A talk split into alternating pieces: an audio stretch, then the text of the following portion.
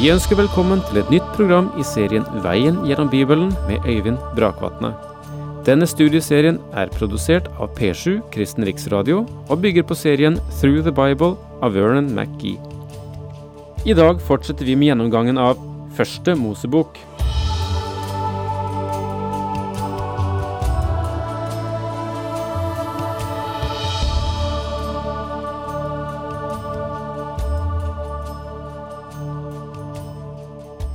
Vi er eh, fremdeles i det 42. kapittel i Første Mosebok. Rapporter er ikke alltid så oppløftende å lese, men noen kan være meget interessante. Og jeg tror at vi skal koste på oss i dag å lese om igjen den rapport som eh, Jakobs sønner avla da de kom fra Egypt, eh, og hjem igjen, som vi finner den i det 29. verset til det 34. Vi avsluttet med den sist, men vi tar den gjerne igjen her. Så kom de hjem til sin far Jakob i Kanaan, og de fortalte ham alt som hadde hendt. Mannen som rår der i landet, talte strengt til oss, sa de, og tok oss for folk som ville speide ut landet. Da sa vi til ham, vi er ærlige folk og ikke spioner. Vi var tolv brødre, sønner av en og samme far. En av oss er ikke mer, og den yngste er hjemme hos far i Kanan. Han som rår der i landet, sa da til oss, Dette vil jeg ha til tegn på at dere er ærlige folk. La en av brødrene bli igjen hos meg. Så kan dere andre ta alt dere trenger for å stille sulten for dem som er hjemme, og dra av sted. Kom til meg med den yngste broren, så jeg kan se at dere ikke er spioner, men ærlige folk. Da skal dere få deres bror igjen, og dere kan fritt dra omkring i landet. Husk at de har etterlatt Simeon der nede i Egypt.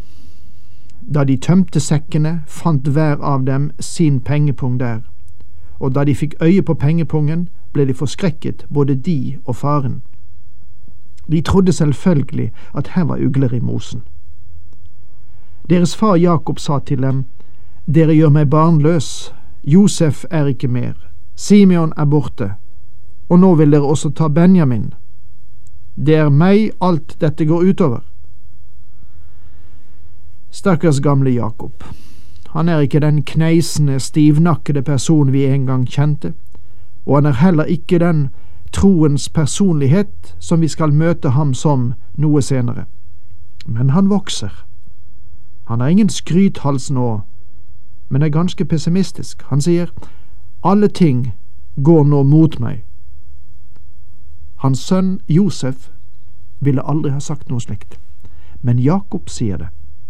Josef ville antagelig ha sagt det samme som Paulus skrev mange år senere, og som vi leser i Romane 8. Vi vet at alle ting tjener til det gode for dem som elsker Gud, dem han har kalt etter sin frie vilje. Eller som han skriver det i Filipperbrevets første kapittel, og jeg er viss på at han som begynte en god gjerning i dere, skal fullføre den, helt til Jesu Kristi dag. Da sa Ruben til sin far, Du kan drepe begge sønnene hvis jeg ikke kommer hjem til deg med Benjamin. Overlat ham bare til meg. Jeg skal føre ham tilbake til deg. Men Jakob svarte, Min sønn skal ikke dra ned med dere. Hans bror er jo borte, og han er alene tilbake. Kommer han ut for en ulykke på den ferden dere skal gjøre, da sender dere meg, gammel og grå, med sorg ned i dødsriket. Jakobs liv var tett bundet sammen med livet for den yngste sønnen Benjamin. Josef var Jakobs favoritt fordi han var Rakels førstefødte, men nå er Josef borte, og det har vært et hardt slag for ham.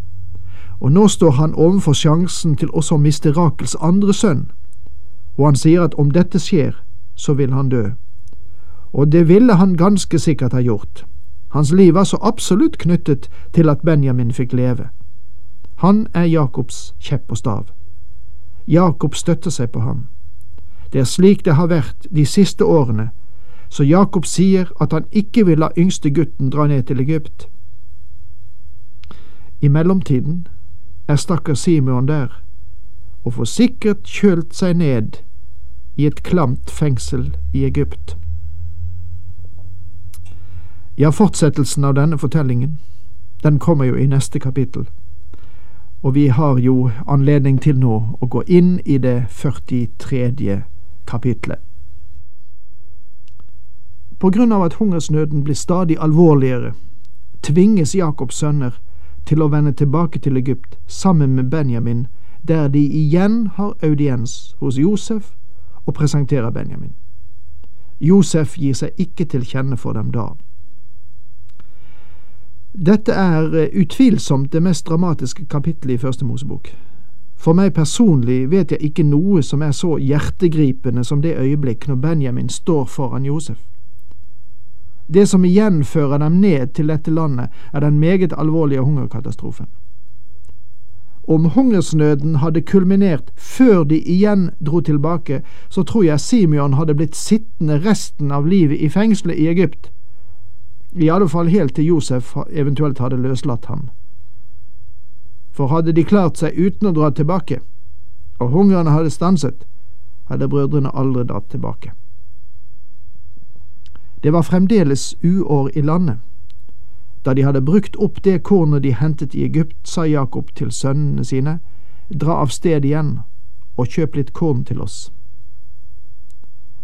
Jakob innså at de ville lide sultedøden om de ikke kom seg ned til Egypt igjen.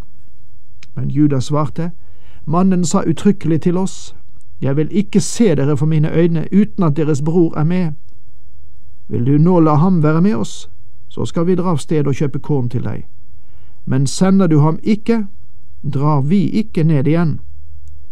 For mannen sa jo til oss, Jeg vil ikke se dere for mine øyne uten at deres bror er med. Mannen er deres bror Josef, men det har de ikke oppdaget. Han la frem for dem et forslag uten prutningsmonn, og de visste at han mente det. Og Juda forteller sin far meget klart, om vi drar dit igjen, så må Benjamin være med oss. Du ville tidligere ikke sende ham, men det er nytteløst å dra dit om han ikke er med oss denne gangen fordi mannen ikke vil ta imot oss. Da sa Israel, Hvorfor gjorde dere meg ondt ved å fortelle at dere har enda en bror? De svarte, Mannen spurte oss nøye ut både om oss og ætten vår. Han sa, Deres far, er han ennå i live? Har dere noen bror? Og vi svarte på det han spurte om. Vi kunne vel ikke vite at han ville si Kom hit med deres bror. Stakkars gamle Jakob er virkelig frustrert. Han sier, Hvorfor i all verden nevnte dere i hele tatt for ham at dere hadde en bror? Han skjønner ikke at Josef visste det i alle fall, men Jakob ønsker at sønnene hans hadde holdt munn.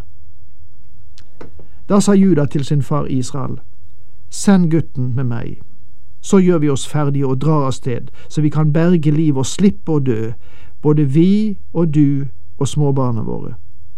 Jeg skal svare for ham. Av meg kan du kreve ham igjen.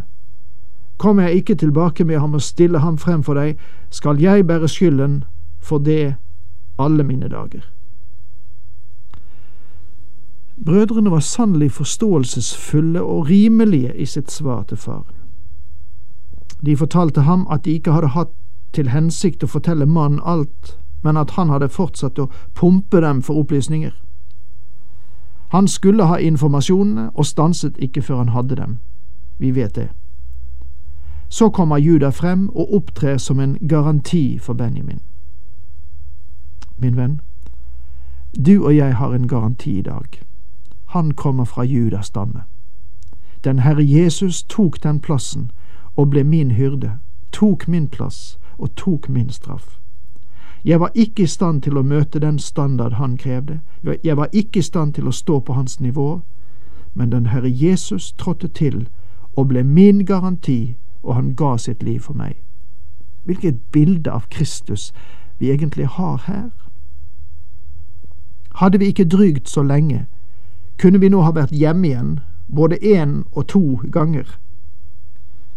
Judas sier, om du hadde latt Benjamin dra med det samme vi spurte deg om det, så kunne vi nå allerede ha vært tilbake igjen med det kornet vi så sårt trenger for oss selv og våre barn.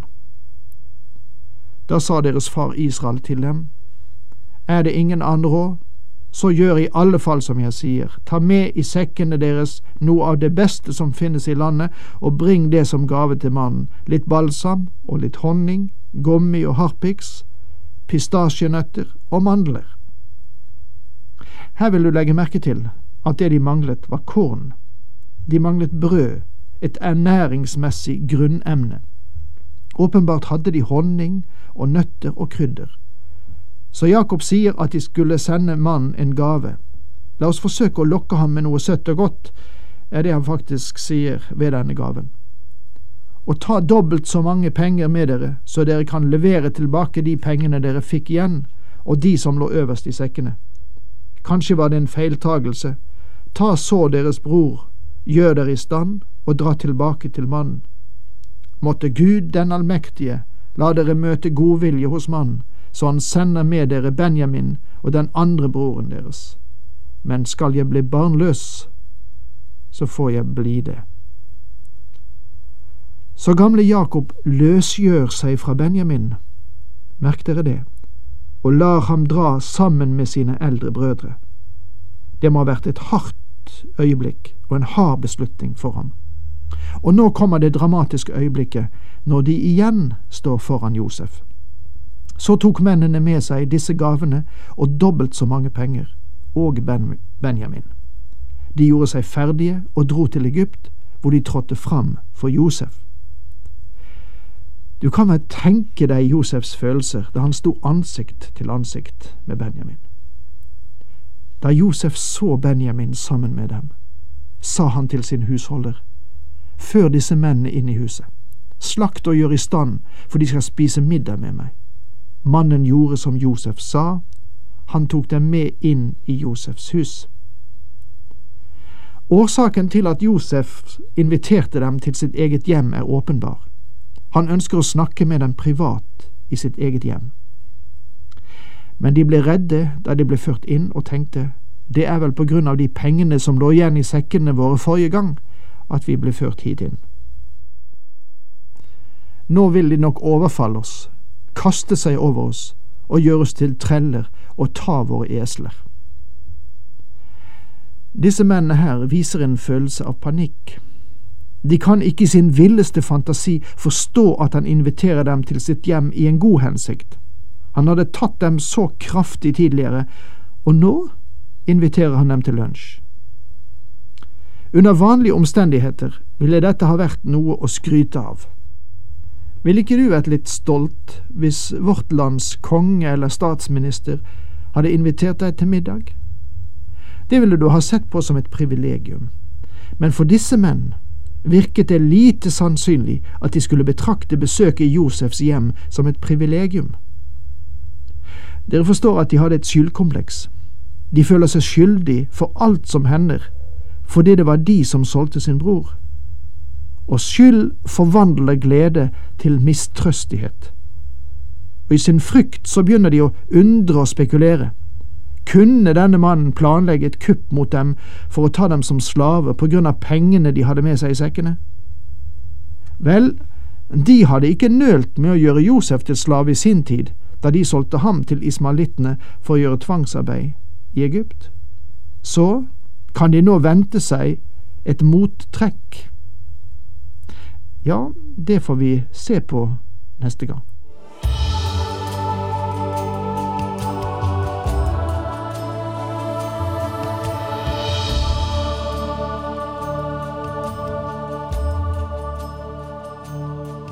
Du hørte Øyvind Brakvatne i studieserien Veien gjennom Bibelen.